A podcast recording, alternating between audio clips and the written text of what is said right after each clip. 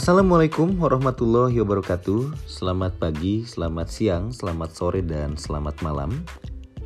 Rekan-rekan sekalian yang saat ini sedang mendengarkan podcast ini, saya sangat berharap rekan-rekan dalam keadaan sehat di tengah pandemi COVID-19 dan tentu saja masih tetap bisa melaksanakan aktivitas dan juga tetap produktif di rumah masing-masing. Pada kesempatan ini, saya akan mengulas atau membahas satu topik terkait dengan corporate public relations dan juga marketing public relations.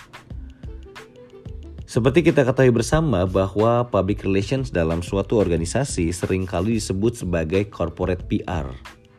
Namun seiring dengan perkembangan dan tren hari ini di mana banyak sekali bermunculan kampanye-kampanye PR dan juga konsep pemasaran baru PR kemudian ditempatkan pada bagian marketing. Padahal fungsi dan peran dari corporate PR atau bisa kita sebut dengan CPR dan marketing PR atau MPR jelas berbeda. Walaupun tentu saja bertujuan tetap pada kebaikan dan keberlangsungan dari satu organisasi ataupun perusahaan tempat di mana mereka bekerja. Seperti dikatakan oleh Haris, bahwa the CPR function may well remain a corporate management function and what is known as MPR will become a marketing management function. Under such a scheme, the mission of CPR would be to support corporate objectives. The mission of MPR would be the support marketing objectives. Atau dengan kata lain bahwa fungsi CPR mungkin tetap akan menjadi fungsi manajemen perusahaan. Dan yang sekarang kita kenal sebagai marketing public relations akan menjadi fungsi manajemen pemasaran. Dalam skema seperti itu, maka misi CPR adalah untuk mendukung tujuan dari perusahaan secara umum. Sedangkan misi MPR adalah mendukung tujuan dari pemasaran. Berikut ini akan saya jelaskan bagaimana tugas dan tanggung jawab dari seorang corporate PR. Corporate PR atau CPR mempunyai tugas yang sangat sensitif, yakni bagaimana menjaga kepuasan para stakeholders termasuk pemegang saham dan juga pemerintah.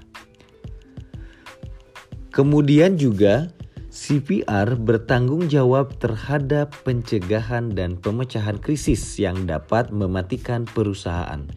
Bagaimana seorang CPR harus mampu mengelola krisis dengan sangat baik dan juga mampu mencari solusi terkait dengan persoalan yang sedang menghinggapi perusahaan tempat di mana mereka bekerja. Tentu dengan upaya mencari fakta dengan sangat baik, kemudian merumuskan cara bagaimana menyampaikan komunikasi dan menyusun pesan-pesan atau bagaimana menyusun langkah-langkah konkret terkait dengan krisis yang terjadi di perusahaan, lalu bagaimana kemudian menyampaikannya kepada publik dan pada akhirnya bisa dievaluasi sebagai sebuah keberhasilan.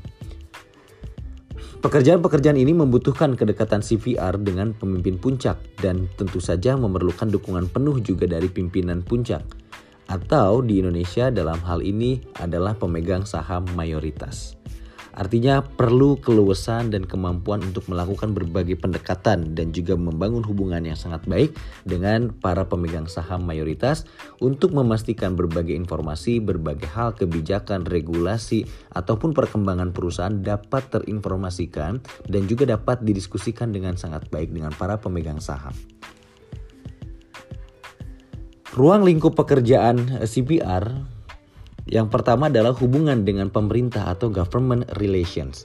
Bagaimana PR di sini bertanggung jawab penuh terkait dengan bagaimana membina dan mengelola hubungan dengan pemerintah, utamanya untuk memastikan pemahaman kita terkait dengan berbagai regulasi dan bagaimana kita bisa meyakinkan pemerintah bahwa operasionalisasi perusahaan atau bagaimana bekerjanya perusahaan betul-betul telah mengikuti aturan-aturan yang berlaku pada pemerintah. Lalu yang kedua adalah hubungan dengan komunitas atau community relations.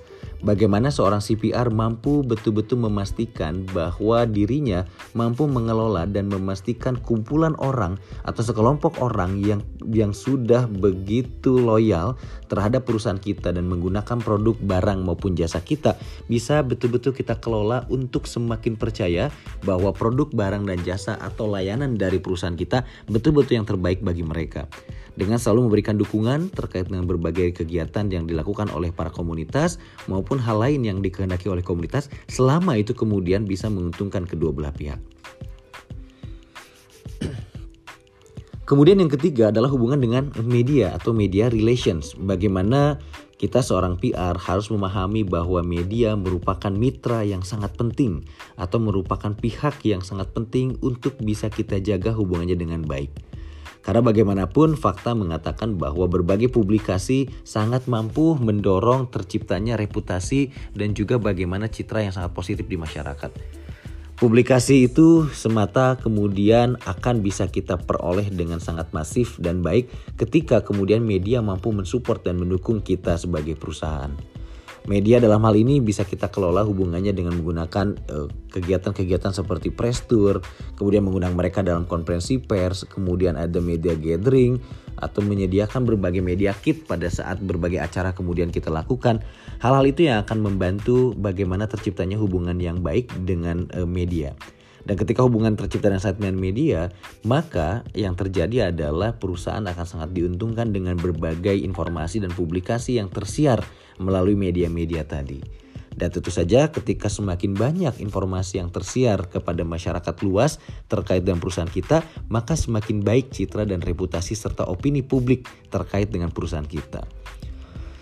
Kemudian juga bagaimana hubungan dengan karyawan atau employee relations memastikan bahwa di internal perusahaan, bagaimana karyawan bisa betul-betul menjaga produktivitasnya, bisa terjaga semangatnya atau motivasi di dalam bekerja, dan memastikan juga seluruh hak, baik berupa informasi maupun hal-hal yang bersifat material, bisa betul-betul kita jembatani informasinya terkait dengan bagaimana aspirasi karyawan kepada pimpinan, ataupun juga sosialisasi program dan kebijakan pimpinan kepada karyawan.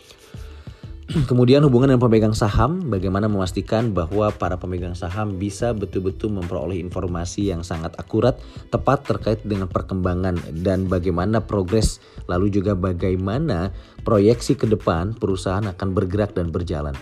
Lalu kemudian juga hubungan dengan bank, memastikan bagaimana akuntabilitas, bagaimana transparansi, eh, pengelolaan pembiayaan, dana, dan lain sebagainya untuk keberlangsungan operasional perusahaan pun juga harus bisa kemudian kita koordinir dengan baik dengan kaitannya divisi keuangan ataupun bagian keuangan di perusahaan tersebut. Kita bisa berkoordinasi bagaimana kemudian memastikan bahwa ada kerjasama-kerjasama bisa dilakukan dengan para pihak bank yang memungkinkan kita juga bisa memperoleh benefit atau keuntungan.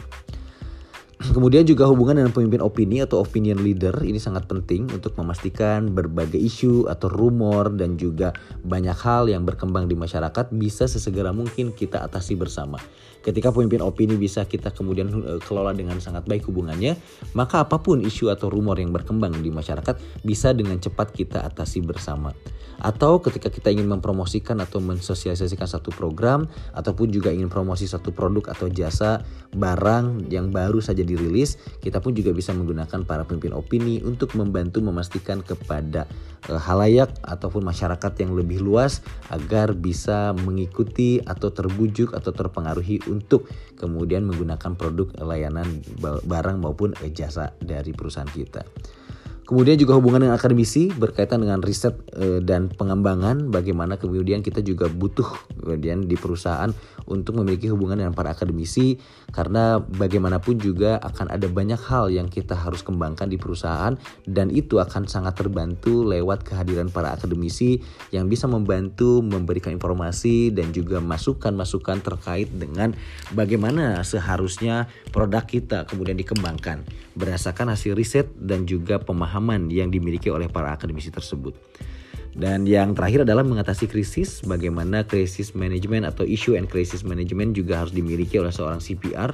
Bagaimana kemudian hantaman-hantaman krisis sangat mungkin terjadi setiap saat, kapan pun bisa terjadi sehingga seorang CPR harus siap setiap saat untuk memastikan bahwa krisis yang terjadi tidak akan sesegera mungkin berdampak buruk kepada perusahaan kita.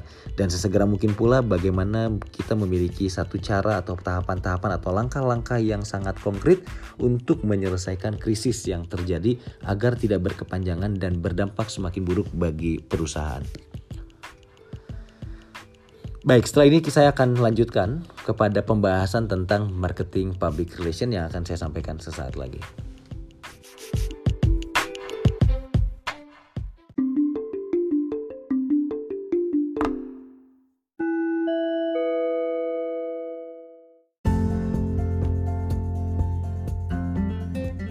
Baik, kita lanjutkan pembahasan kepada marketing public relations dan menurut Haris pada bukunya MPR dikatakan sebagai the process of planning, executing and evaluating programs that encourage purchases and consumer satisfaction through credible communication and impression that identify companies and their products with needs, wants, concern and interest of consumers.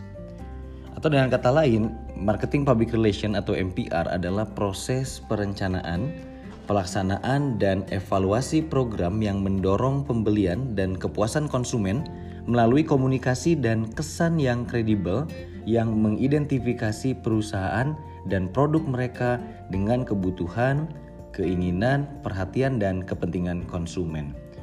Oleh karena itu tentu saja pada definisi ini kita bisa mengambil satu makna dan pesan yang sangat kuat bahwa pada dasarnya MPR betul-betul berorientasi pada kepentingan konsumen dan kebutuhan konsumen. Dan tentu saja ini akan sangat berkaitan dengan bagaimana kemampuan seorang MPR untuk memastikan bahwa produk, barang maupun jasa atau layanan yang dimiliki oleh perusahaan tempat di mana mereka bekerja harus betul-betul mampu memuaskan konsumen dan juga mampu memenuhi kebutuhan dari konsumen. Selanjutnya, beberapa tujuan atau MPR goals yang harus kemudian dipahami oleh seorang public relations khususnya yang kemudian ditempatkan pada divisi marketing public relations. Yang pertama adalah helping a company and product name become better known atau membantu perusahaan dan nama produk menjadi lebih dikenal. Ini menjadi sangat uh, krusial sekali dan menjadi sangat kritikal sekali karena bagaimanapun juga hari ini kompetisi begitu sengit dan juga menghadirkan banyak sekali pilihan dan juga alternatif bagi para konsumen ataupun masyarakat secara umum.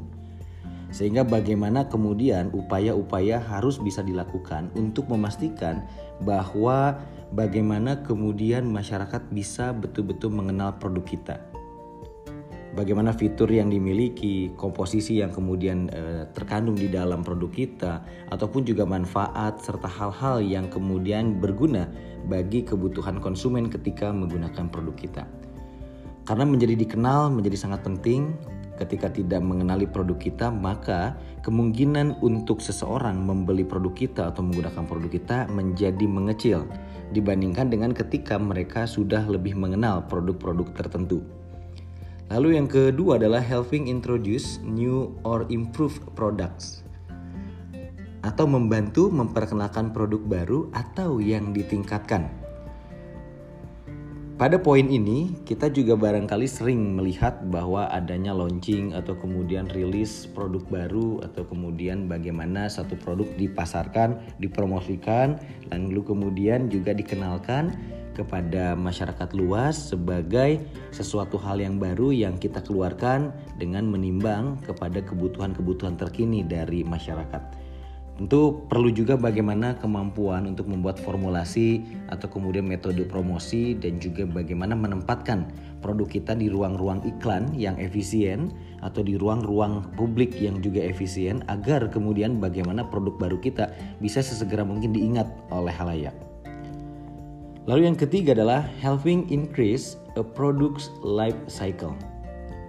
Membantu meningkatkan siklus hidup produk gitu ya. Ini menjadi sangat penting bagaimana kemudian seorang eh, marketing PR harus mampu memastikan bahwa keberlangsungan produk kita hadir di masyarakat betul-betul bisa terjaga dalam waktu yang lama atau memiliki tingkat durabilitas yang sangat tinggi, bisa tahan dan kemudian juga bisa dipastikan berkelanjutan dan juga bisa betul-betul hadir di tengah-tengah masyarakat tanpa kemudian tergerus oleh kompetitor kita.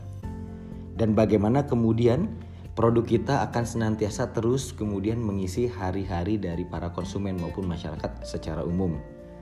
Dan bagaimana meningkatkan siklus hidup produk ini adalah memastikan bahwa MPR atau marketing PR officer ini pun juga harus memahami segmentasi halayak, karakteristik halayak, bagaimana situasi dan kondisi di wilayah-wilayah tempat di mana kita memasarkan produk tersebut itu yang harus kemudian kita lakukan. Ada survei di sana ada upaya untuk mengetahui berbagai informasi yang berkembang di sana, mengetahui juga bagaimana profil-profil juga dari para kompetitor yang hadir di sana, bagaimana kondisi penjualan mereka itu pun juga penting untuk memastikan bahwa e, produk yang kita miliki bisa betul-betul bertahan dalam jangka waktu yang lama.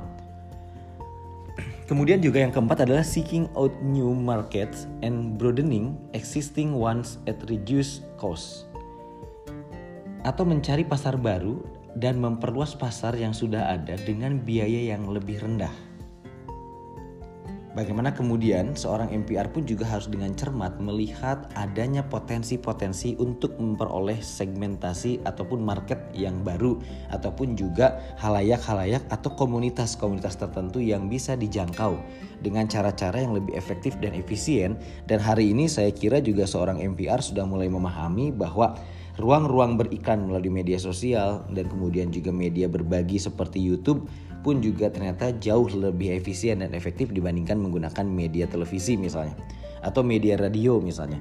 Walaupun tentu saja ini akan menjadi perdebatan ketika kemudian e, saya mengeluarkan statement bahwa beriklan di televisi tidak lagi semenarik dulu, tapi faktanya memang e, beberapa perusahaan juga memilih sekarang untuk mulai membagi ruang beriklan mereka agar kemudian biaya yang dikeluarkan tidak terlalu tinggi. Kemudian yang kelima adalah establishing an overall uh, favorable image for the product and company. Membangun citra yang menguntungkan secara keseluruhan untuk produk dan perusahaan.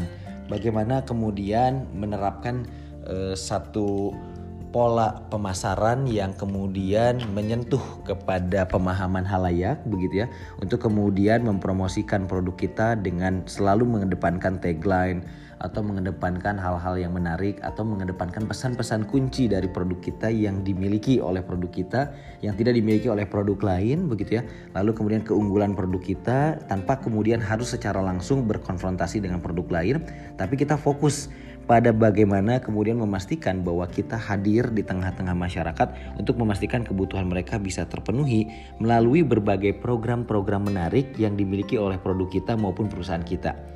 Apakah itu bersifat CSR ataupun juga bersifat community relation atau berbentuk aktivitas-aktivitas lainnya ataupun community development sekalipun ataupun ada promosi-promosi ketika produk tersebut dijual maka seseorang akan peroleh benefit-benefit tertentu. Itu yang bisa dimungkinkan mampu membangun citra yang sangat positif uh, di masyarakat. Nah, lalu setelah tadi kita mengetahui tujuan dari seorang MPR, selanjutnya adalah faktor pendorong kebutuhan gitu ya akan hadirnya seorang marketing public relation di satu instansi atau perusahaan. Yang pertama adalah the mass market splinters, adanya pecahan pasar massal. Maksudnya bahwa hari ini pasar betul-betul mulai terkotak-kotakan, terkategorisasi atau mulai membentuk kelompok-kelompok tertentu. Dan tentu saja kita tidak bisa berharap bagaimana kemudian kita bisa menjangkau seluruh masyarakat secara luas atau halayak secara umum karena pada akhirnya terjadi kemudian e, kondisi di mana akhirnya market menjadi terpecah atau pasar menjadi terbagi, perhatian mereka menjadi teralihkan, bagaimana mereka menyenangi produk-produk lain sebagai kompetitor kita pun sangat dimungkinkan itu terjadi. Bisa karena wilayah, bisa karena karakteristik mereka, bisa karena demografis, bisa juga karena faktor-faktor lain. Tapi memang intinya bahwa seorang MPR harus cermat betul memastikan bahwa pasar mana yang akan mereka kemudian sasar, lalu kemudian bagaimana cara mereka untuk mendekati dan kemudian menjangkau pasar tersebut. Ketika kemudian banyak sekali sekarang kemudian kategorisasi dari mulai kemudian dari sisi usia, dari profesi, latar belakang pendidikan maupun hal-hal yang lain. Lalu yang kedua adalah teknologi and the information explosion. Teknologi dan ledakan informasi. Hari ini kita merasakan betul bagaimana kemudian hegemoni eh, media sosial ataupun juga media yang berbagi atau bagaimana perkembangan teknologi informasi dan komunikasi betul-betul begitu luar biasa cepat. Bahkan hari-hari ini kita semua sudah tidak dapat dihindarkan dari aktivitas yang kemudian melibatkan gadget atau melibatkan gawai atau melibatkan smartphone yang rekan-rekan miliki. Bagaimana informasi dengan sangat cepat, kapan pun, di mana pun, siapa pun kemudian bisa berbagi cerita, berbagi pengalaman, berbagi testimoni, berbagi informasi, melakukan promosi, dan lain sebagainya. Oleh karena itu penting bagi bagi satu perusahaan untuk memiliki seorang marketing PR agar bisa memastikan bahwa kehadiran perkembangan teknologi informasi dan komunikasi betul-betul bisa dimanfaatkan dengan sangat baik.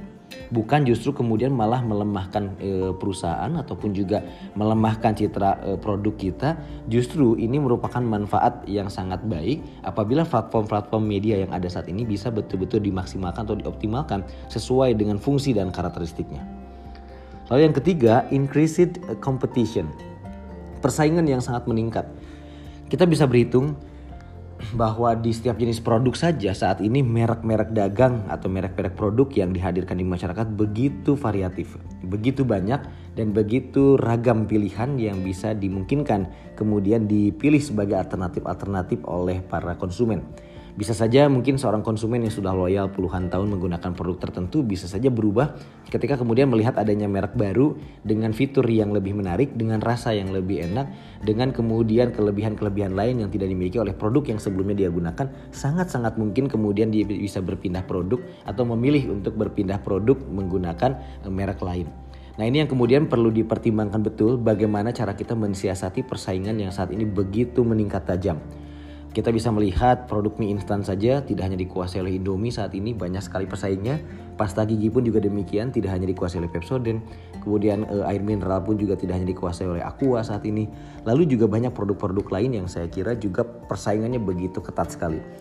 Kemudian the decline of network advertising menurunnya iklan jaringan. Nah, ini yang tadi saya sampaikan bahwa hari ini ruang-ruang beriklan pun juga sudah mulai betul-betul e, memiliki pilihan-pilihan yang lebih menarik dan juga lebih efisien.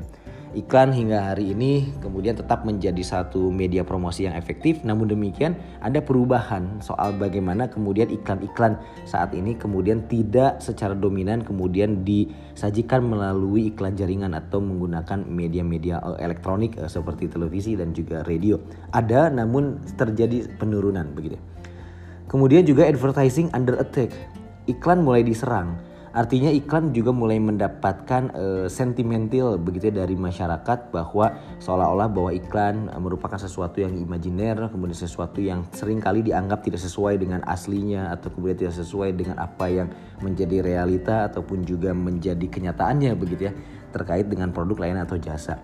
Iklan juga sering dianggap terlalu berlebihan namun ya Demikianlah eh, suatu proses industri dan bisnis berjalan manakala kemudian ada hal-hal yang juga eh, bagi konsumen sering kali dianggap tidak rasional dan tidak logis maka kemudian dengan sangat mudah bisa berkembang menjadi satu opini yang kemudian akhirnya iklan dianggap tidak terlalu efektif.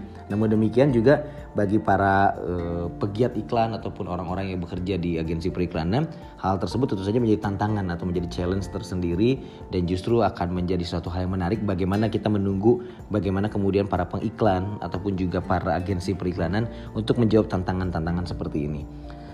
Lalu kemudian back to PR basic, kembali ke dasar PR, di mana kemudian memastikan bahwa citra, reputasi, dan opini publik bisa terjaga, bisa terbangun dengan sangat baik, menjebatani kepentingan organisasi atau instansi atau perusahaan dengan publik, ini yang kemudian menjadi sangat penting. Dan konsep MPR tidak lari atau tidak keluar dari konsep PR secara das, secara umum ataupun secara fundamental. Kemudian juga advertising agencies acquire PR, agen periklanan memperoleh PR Jadi hari ini agensi perikanan pun juga mulai memperoleh asupan-asupan atau juga mulai memperoleh kehadiran-kehadiran seorang PR di sana untuk memastikan bahwa